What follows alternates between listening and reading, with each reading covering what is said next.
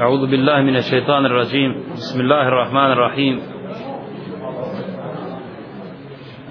الحمد لله وكفى والصلاة والسلام على عبده الذي اصطفى نبينا محمد وعلى آله وصحبه وسلم تسليما كثيرا Na redu je danas posljednji čas kod profesora Adnana Mrkonča iz tefsira. Prvo. إن الحمد لله نحمده ونستعينه ونستغفره ونعوذ بالله من شرور أنفسنا ومن سيئات أعمالنا من يهده الله فلا مضل له ومن يضلل فلا هادي له وأشهد أن لا إله إلا الله وحده لا شريك له وأشهد أن محمدا عبده ورسوله وبعد Ko od vas zna suru Iza zazrati na pamet? Da? A, vas ne zna suru Lem je konil ledine na pamet sad?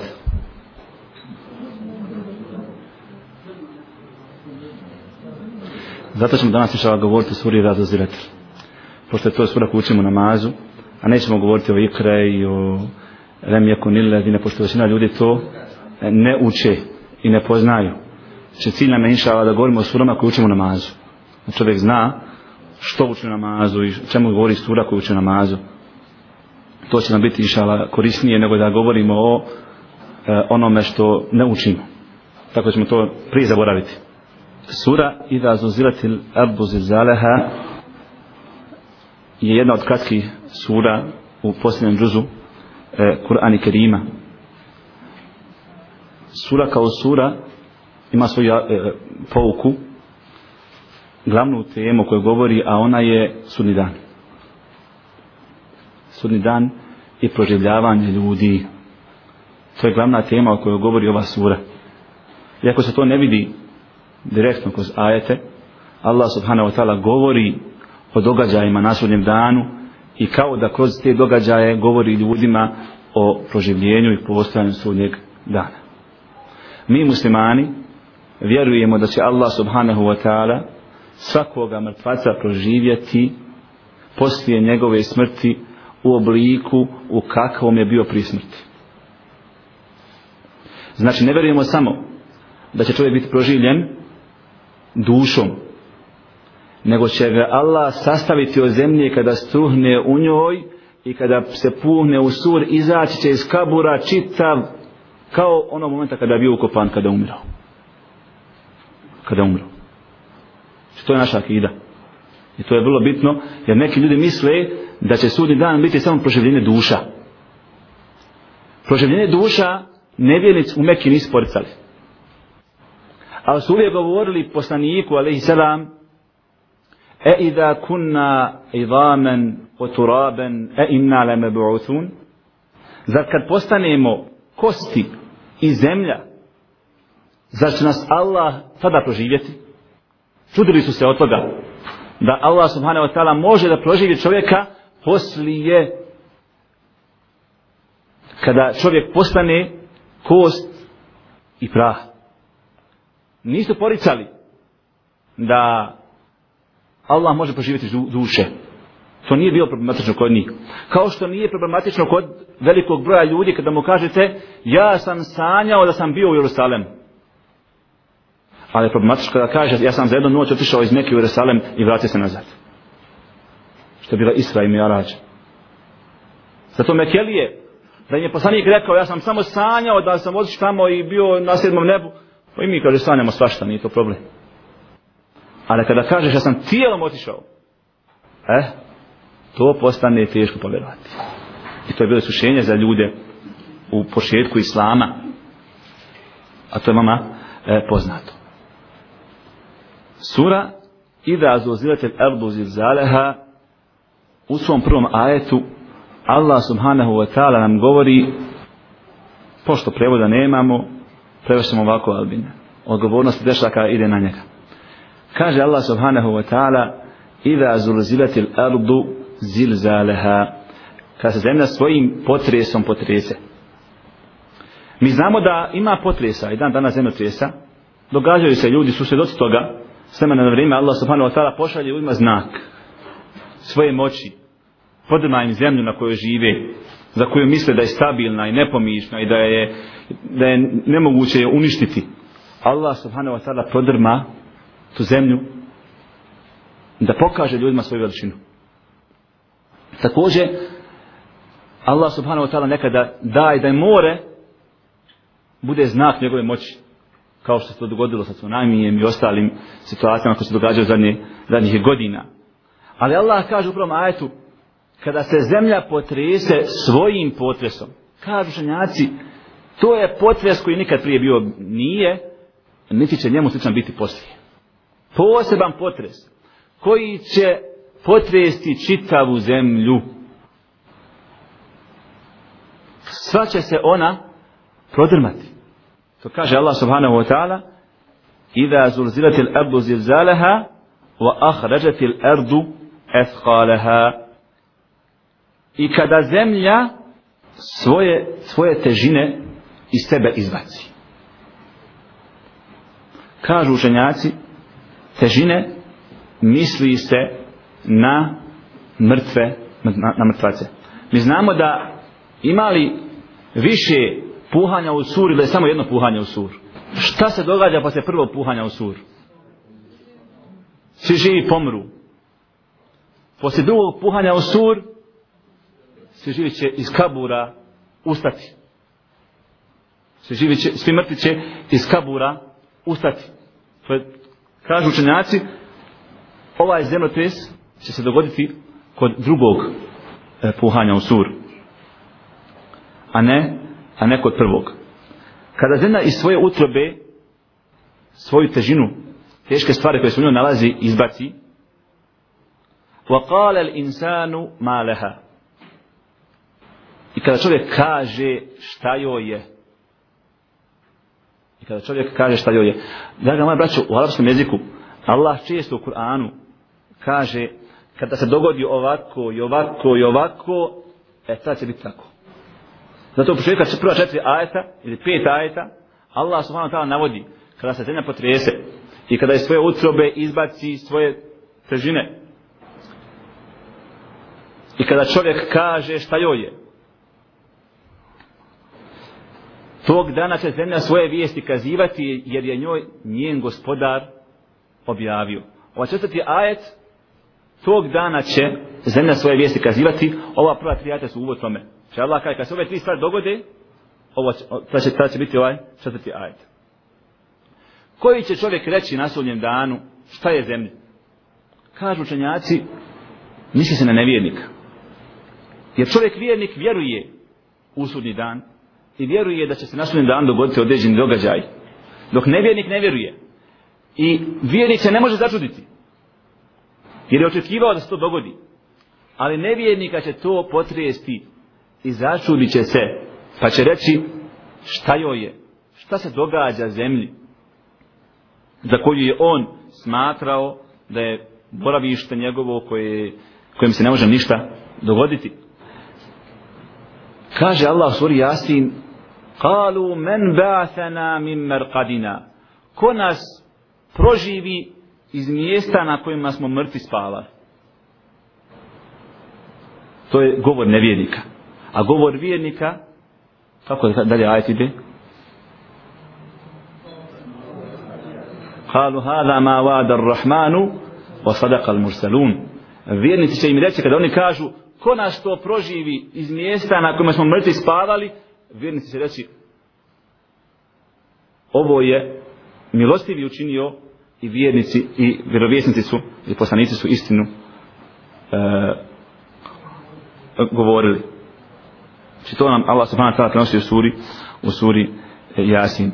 Znači upravo majetu kaže Allah subhanahu wa ta'ala kada se zemlja svojim potresom potrese i kada iz utrobe svoje izbaci svoje težine i kada čovjek se začudi i kaže šta joj se događa? Kaže Allah jeume idin tu hadisu ahbaraha toga dana će zemlja svoje vijesti kazivati. Da li može zemlja pričati?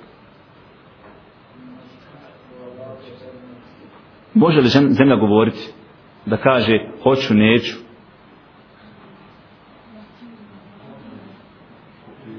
Jedan dio učenjaka kaže, ne može zemlja pričati. I kažu, ovo je metafora u Kur'anu. Mi kažemo, nema metafore u Kur'anu. Sve može govoriti kada Allah hoće da ono govori.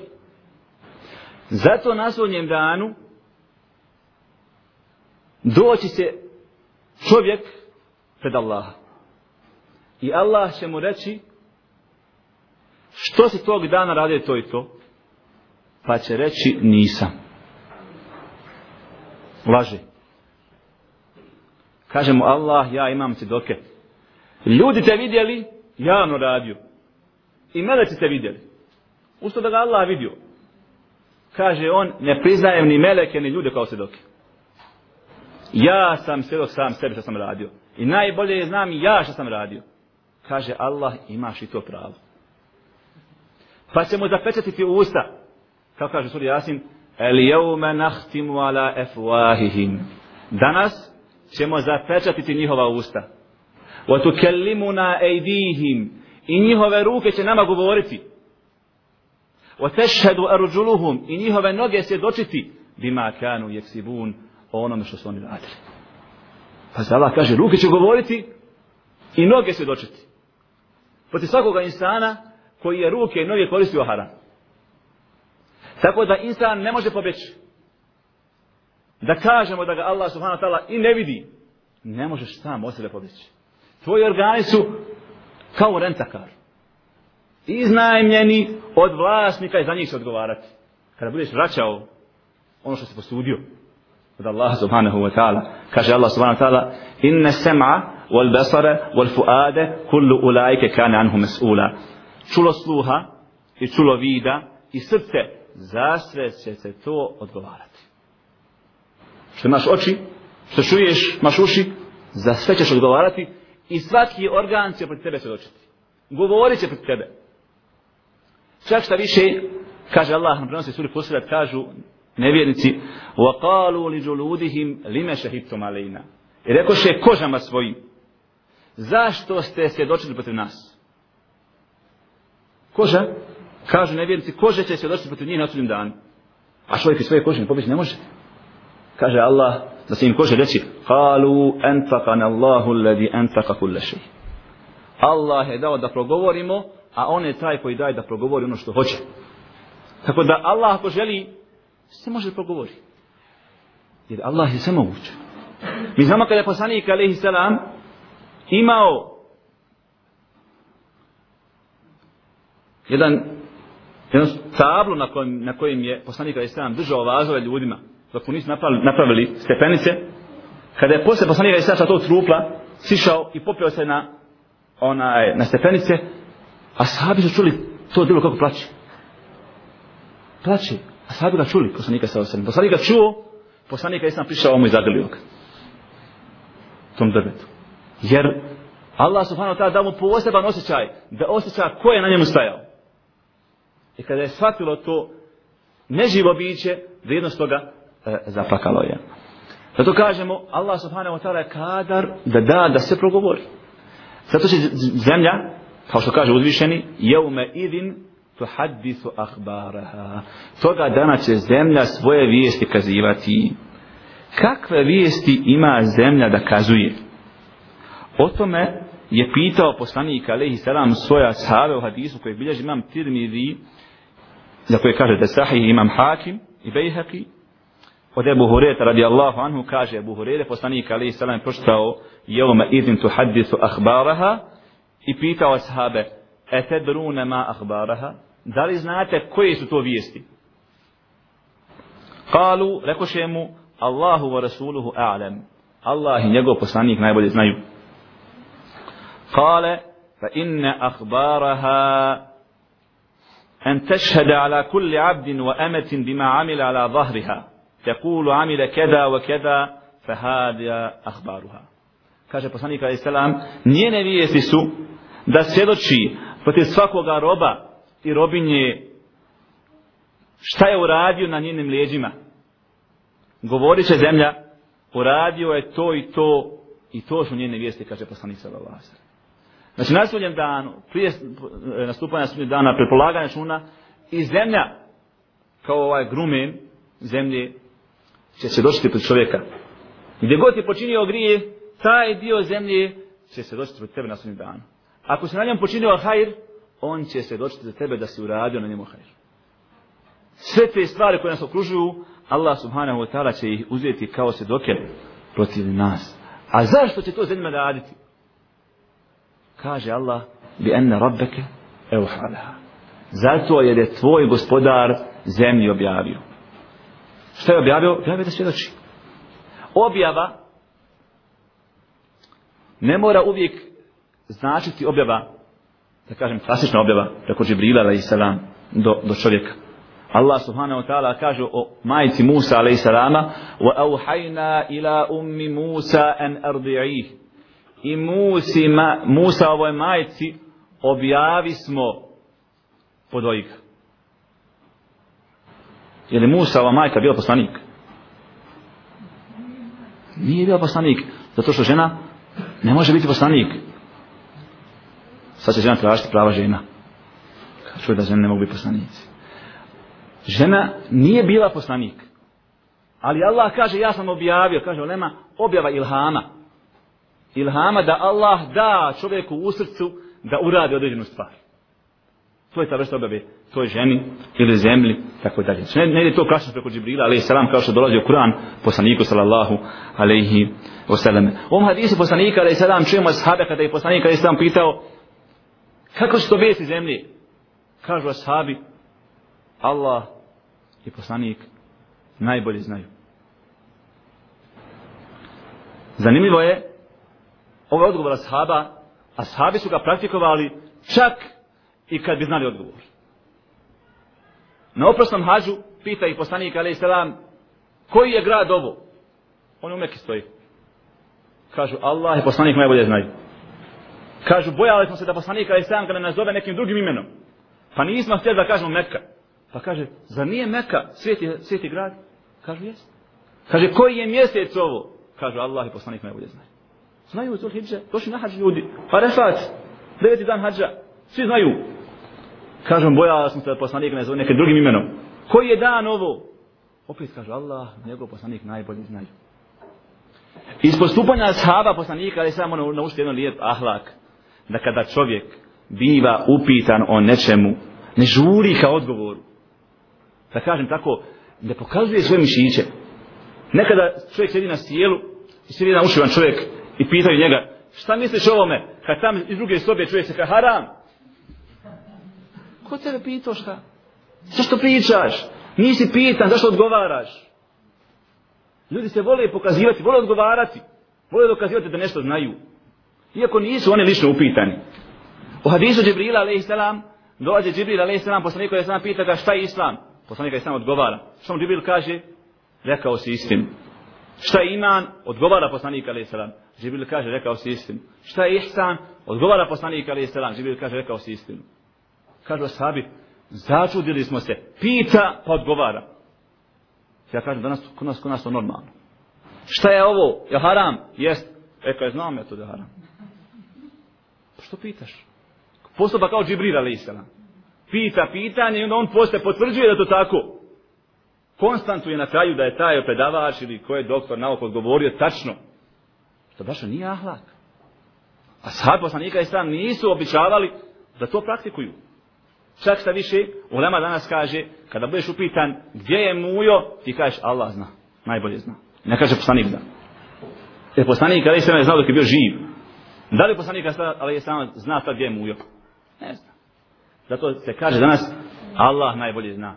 Ma neki ljudi, kao što sufije, oni kažu da i dalje poslanik ali se zna danas da sjedimo mi ovdje i šta radimo i šta pri, sve čuje i sve zna. On to smatra istinom. A mi kažemo ne, poslanik alaih selam čuje samo selam i ništa više. Jer je poslanik alaih selam rekao za sebe, čujem selam i ništa više.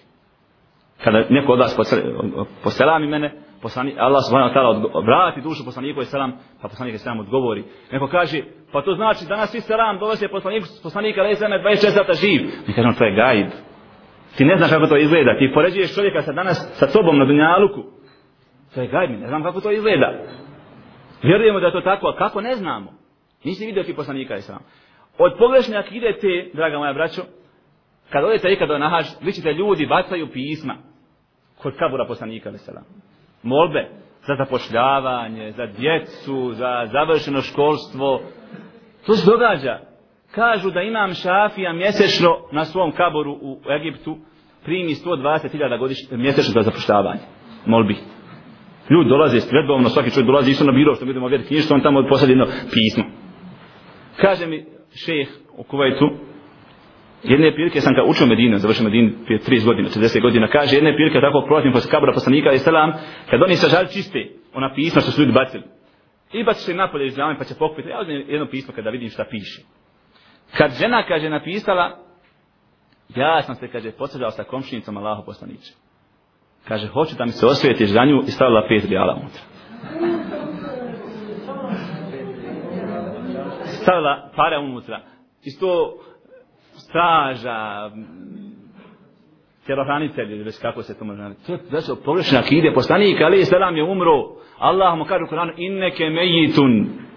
O innehu mejitun.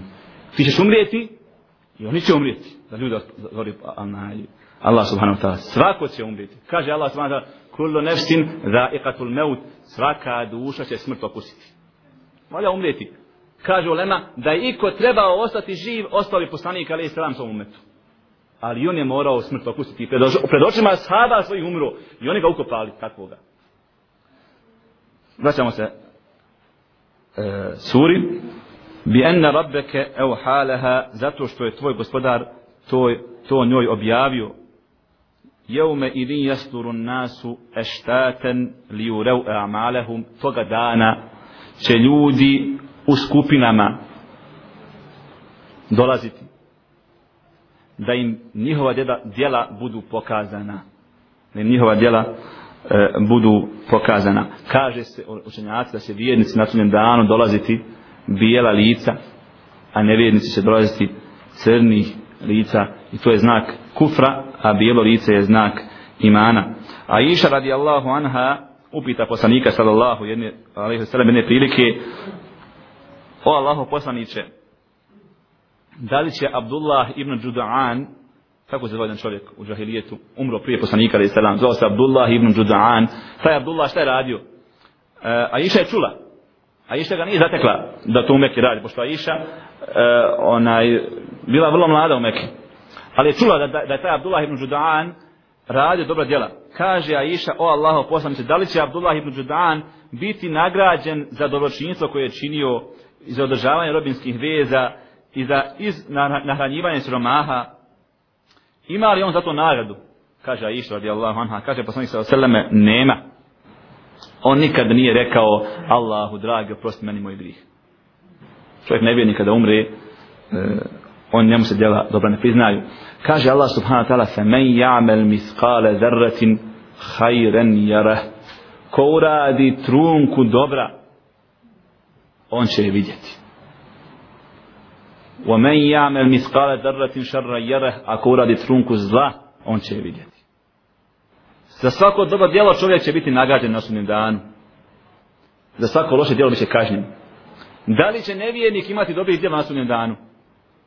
ovom hadisu odgovara poslanika ali se nema ne može čovjek sa kufrom imati dobro djelo na sudnjem danu nego mu Allah subhanahu wa ta'ala podari na donjaluku blagodati i tako njegov bonus dobrih dijela potroši na dunjaluku.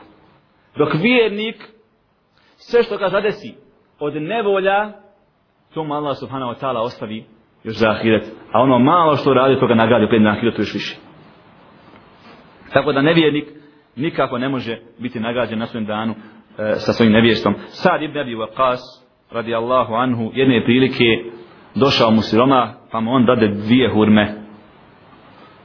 Čovjek kada je došao kod sada ibn Abi Vakasa, bio je poznat ashab. Očekivao da mu da više. Kada mu dao dvije hurme neće da uzme. Kaže mu zašto ne uzmiš? Allah od ljudi prima crnku dobra, a ti nećeš dvije hurme koje se vide. ja ti dajem dvije hurme koje se vide očima, a ti ne želiš da ih uzmeš. A Allah od ljudi prima zrno dobra. Jer Allah kaže, ko uradi ko zrno dobra, on će zato biti, biti nagrađen. Znači, riječ, riječ zerre u ajetu označava e, žutog ili crvenog mrava koji se jedva vidi. Taj crveni mrav ili žuti, onaj mrav, jedva se vidi. Čovjek crno ga lagano primijeti, ali žuti se teže vidi. Allah upoređuje to, to malo djelo koje čovjek uradi, koje smatra potpuno nevažnim, sa tim mravom i kada da, da će čovjek biti za njega, inša Allahu, nagrađen. Za kraj ćemo, inša Allah, pročitati nekoliko hadisa vezani za ovu temu. Kaže poslanik sallallahu alaihi wa sallame, la tahqiranna min al ma'rufi še'a, nemoj pocijeniti ništa od učinjenog dobra. ولو أن تفرغ من دلوك في إناء المستسقي فمكر da ispražnješ kofu vode u sud onoga ko traži vodu. Walau an talqa akhaka wa ilaihi ilayhi munbasit. Pa makar da sretneš svog brata nasmijana lica. Kaže poslanik Ali sam, nemojte ponižavati ovako mala djela. Dobra djela. To su kod Allaha subhanahu wa ta'ala vrijedna, vrijedna djela.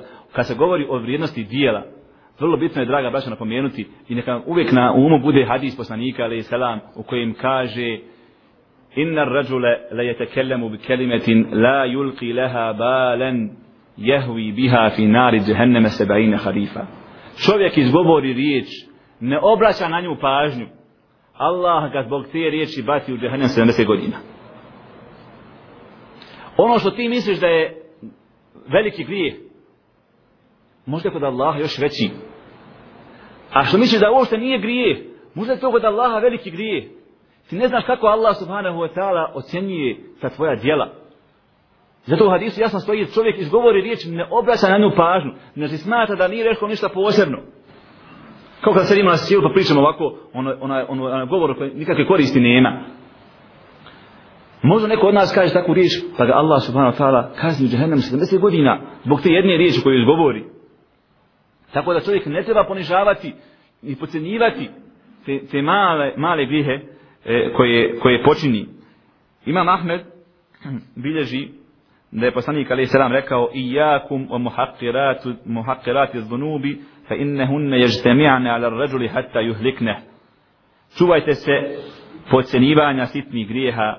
Oni se nagomilaju dok čovjeka ne uništi. Oni se nagomilaju dok čovjeka ne unište, kaže poslanik sallallahu alaihi wa sallame.